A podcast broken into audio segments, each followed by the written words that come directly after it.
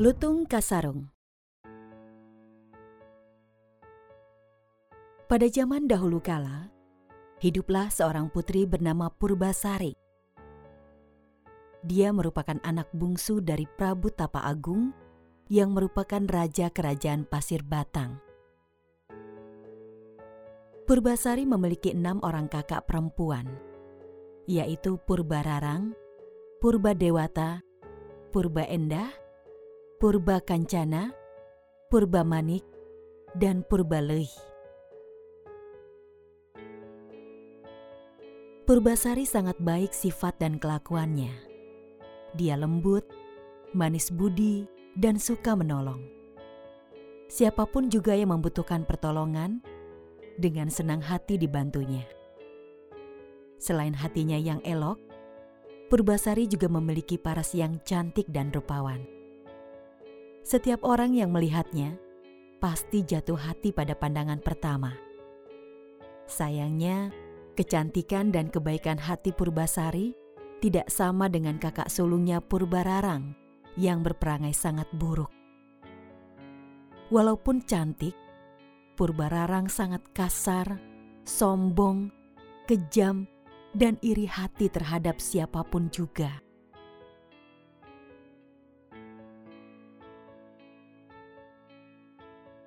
Setelah bertahta dalam waktu yang cukup lama, Prabu Tapa Agung berniat turun tahta. Telah dipikirkan masak-masak bahwa untuk melanjutkan kepemimpinannya, dia akan menunjuk Purbasari.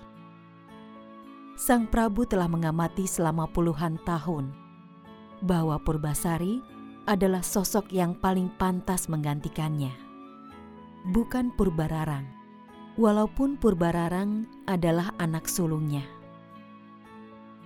Pemikiran dari sang Prabu yang bijaksana ini, terutama karena sifat dan perilaku anak sulungnya yang buruk.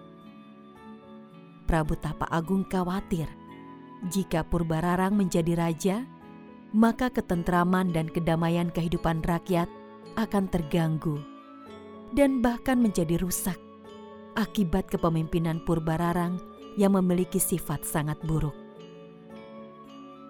Di hadapan seluruh pembesar kerajaan dan juga ketujuh putrinya, Prabu Tapa Agung menyerahkan tahtanya kepada Purbasari.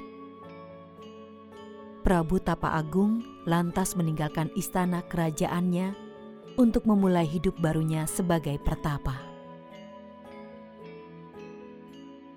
Sementara Purbararang sangat marah luar biasa mendapati tahta kerajaan Pasir Batang diserahkan kepada adik bungsunya, bukan kepada dirinya.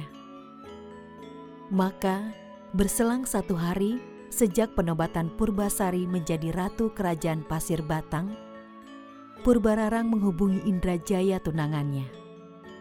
Keduanya kemudian meminta bantuan nenek sihir untuk mencelakai Purbasari. Nenek sihir jahat memberikan boreh atau zat berwarna hitam yang dibuat dari tumbuhan kepada Purbararang. Nenek sihir itu berkata, Semburkan boreh ini ke wajah dan seluruh tubuh dari Purbasari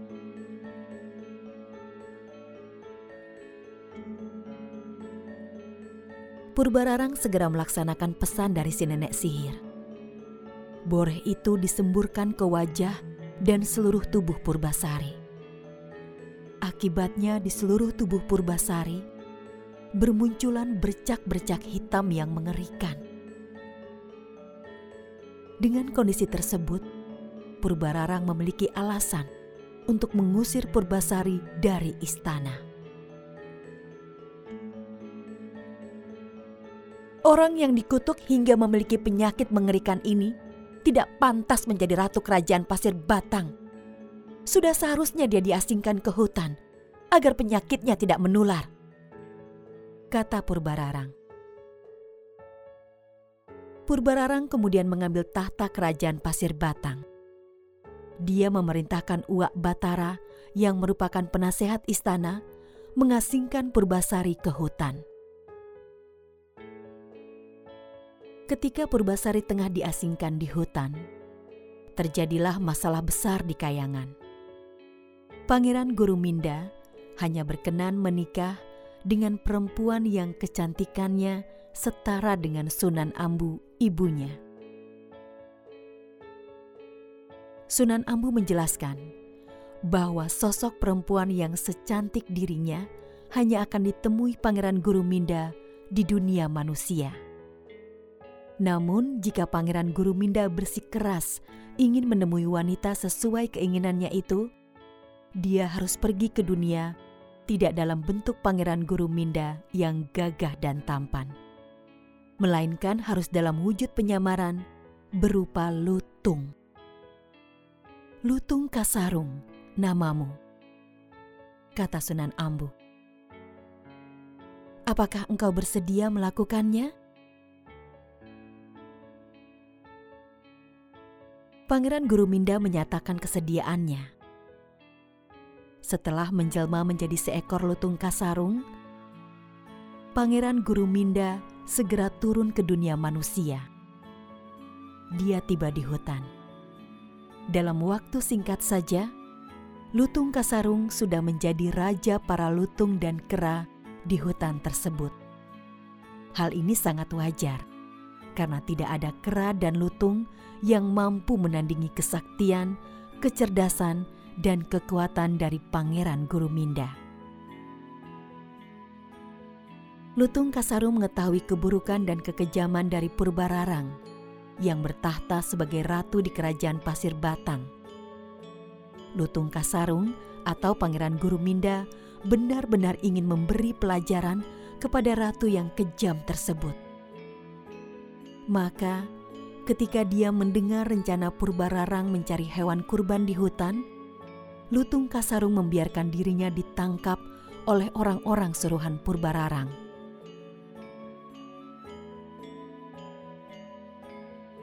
Sebelum dijadikan hewan kurban, Lutung Kasarung tiba-tiba mengamuk dan menimbulkan kerusakan di istana Pasir Batang. Para prajurit kerajaan Pasir Batang yang berniat menangkapnya dibuat tidak berdaya. Kalang kabut semua yang berniat meringkusnya. Lutung Kasarung sepertinya menunjukkan permusuhan dengan semua prajurit kerajaan Pasir Batang. Melihat kondisi prajuritnya yang terus terdesak, Purbararang meminta Uak Barata untuk menjinakkan Lutung Kasarung. Anehnya, saat Uak Batara maju ke medan laga, Lutung Kasarung seperti tidak berniat menyakiti Uak Batara. Bahkan saat Uak Batara menangkapnya, Lutung Kasarung tidak melawan. Purbararang segera meminta Uak Batara membuang Lutung Kasarung ke hutan di mana Purbasari diasingkan. Dia menghendaki Purbasari tewas di mangsa lutung kasarung yang dianggapnya sebagai hewan buas. Uak Batara Lengser yakin bahwa lutung kasarung bukanlah hewan biasa. Oleh karena itu, dia memberikan pesan kepada lutung kasarung saat mereka bertemu Purbasari. Lutung, putri yang saat ini ada di depanmu adalah putri dari Prabu Tapa Agung. Ia adalah putri yang baik hati dan seharusnya menjadi ratu kerajaan Pasir Batang. Hanya karena kekuatan jahatlah dia diasingkan dan tersingkir ke hutan ini. Oleh karena itu, hendaklah engkau menjaga junjungan kami ini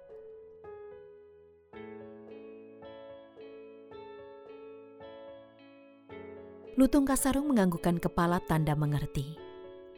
Maka sejak saat itu, Lutung Kasarung menjadi penjaga sekaligus menjadi sahabat dekat Purbasari.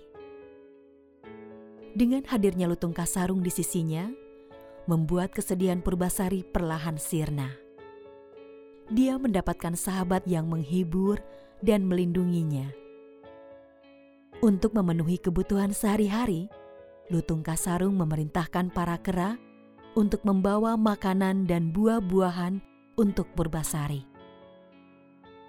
kelembutan hati, kebaikan, dan sifat baik Purbasari membuat Lutung Kasarung semakin lama semakin sayang kepada Purbasari. Sedangkan sikap tanggung jawab, kepemimpinan, dan kecerdasan dari Lutung Kasarung membuat Purbasari menjadi jatuh cinta. Semakin lama, mereka merasa tidak dapat dipisahkan lagi.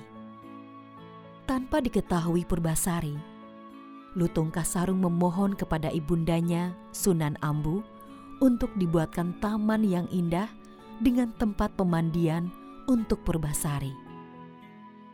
Sunan Ambu lantas memerintahkan para dewa dan para bidadari turun ke bumi untuk mewujudkan keinginan dari putranya. Para dewa dan bidadari membuatkan taman dan tempat mandi yang sangat indah untuk Purbasari. Pancurannya terbuat dari emas murni.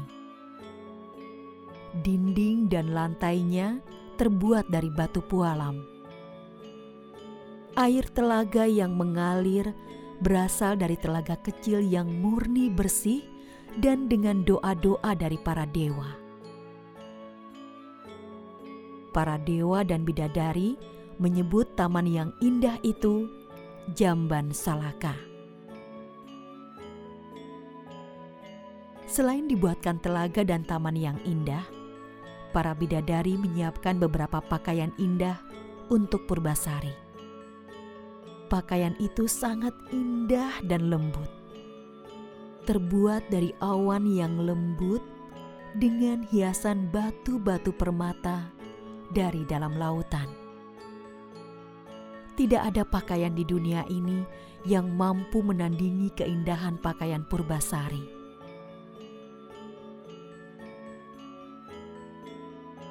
Pada saat melihat telaga dengan pancuran yang indah, Purbasari segera berniat mandi untuk membersihkan diri.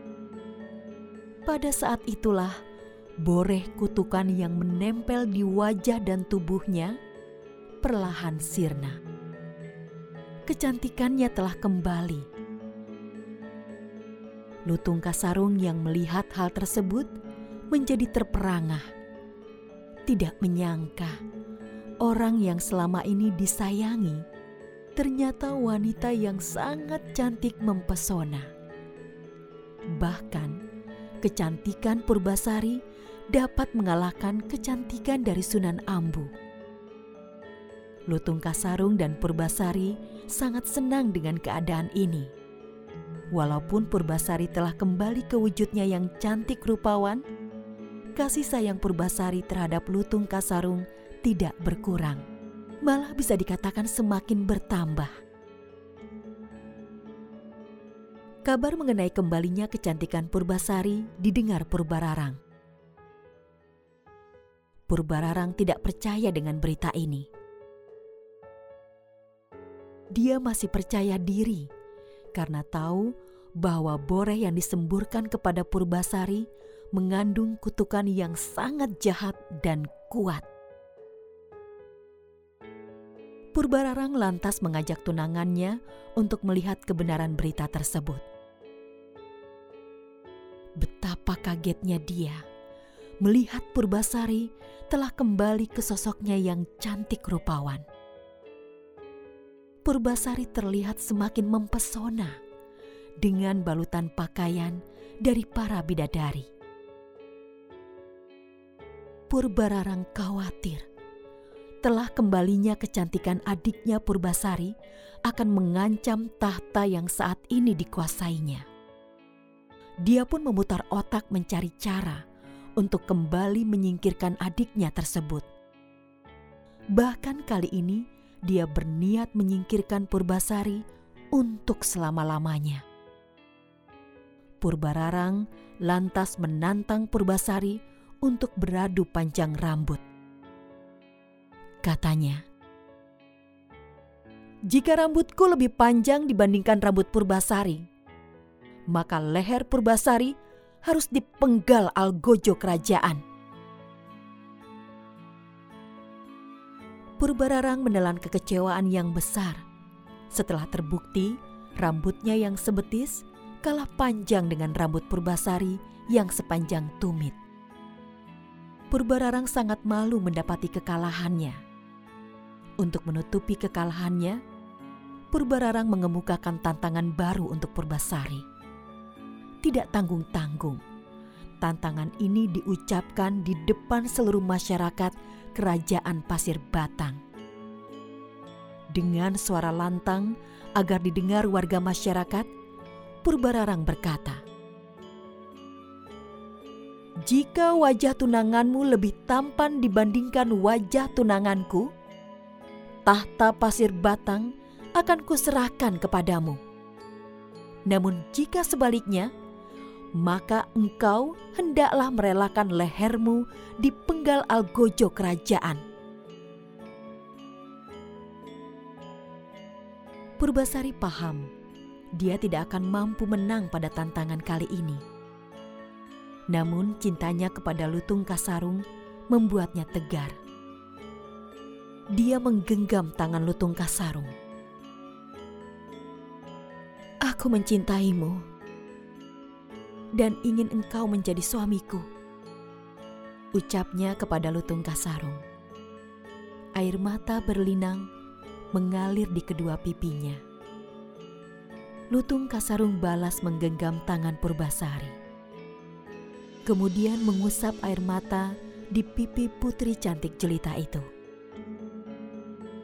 Purbararang tertawa terbahak-bahak.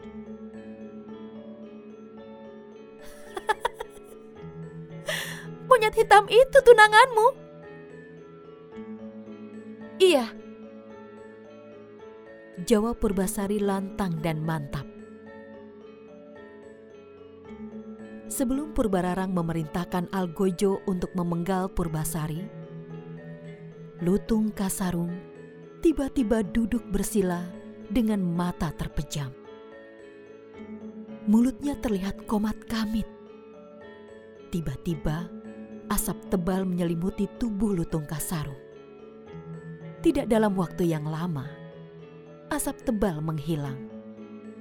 Sosok Lutung Kasarung dengan wajah jelek menghilang seiring berlalunya asap pekat.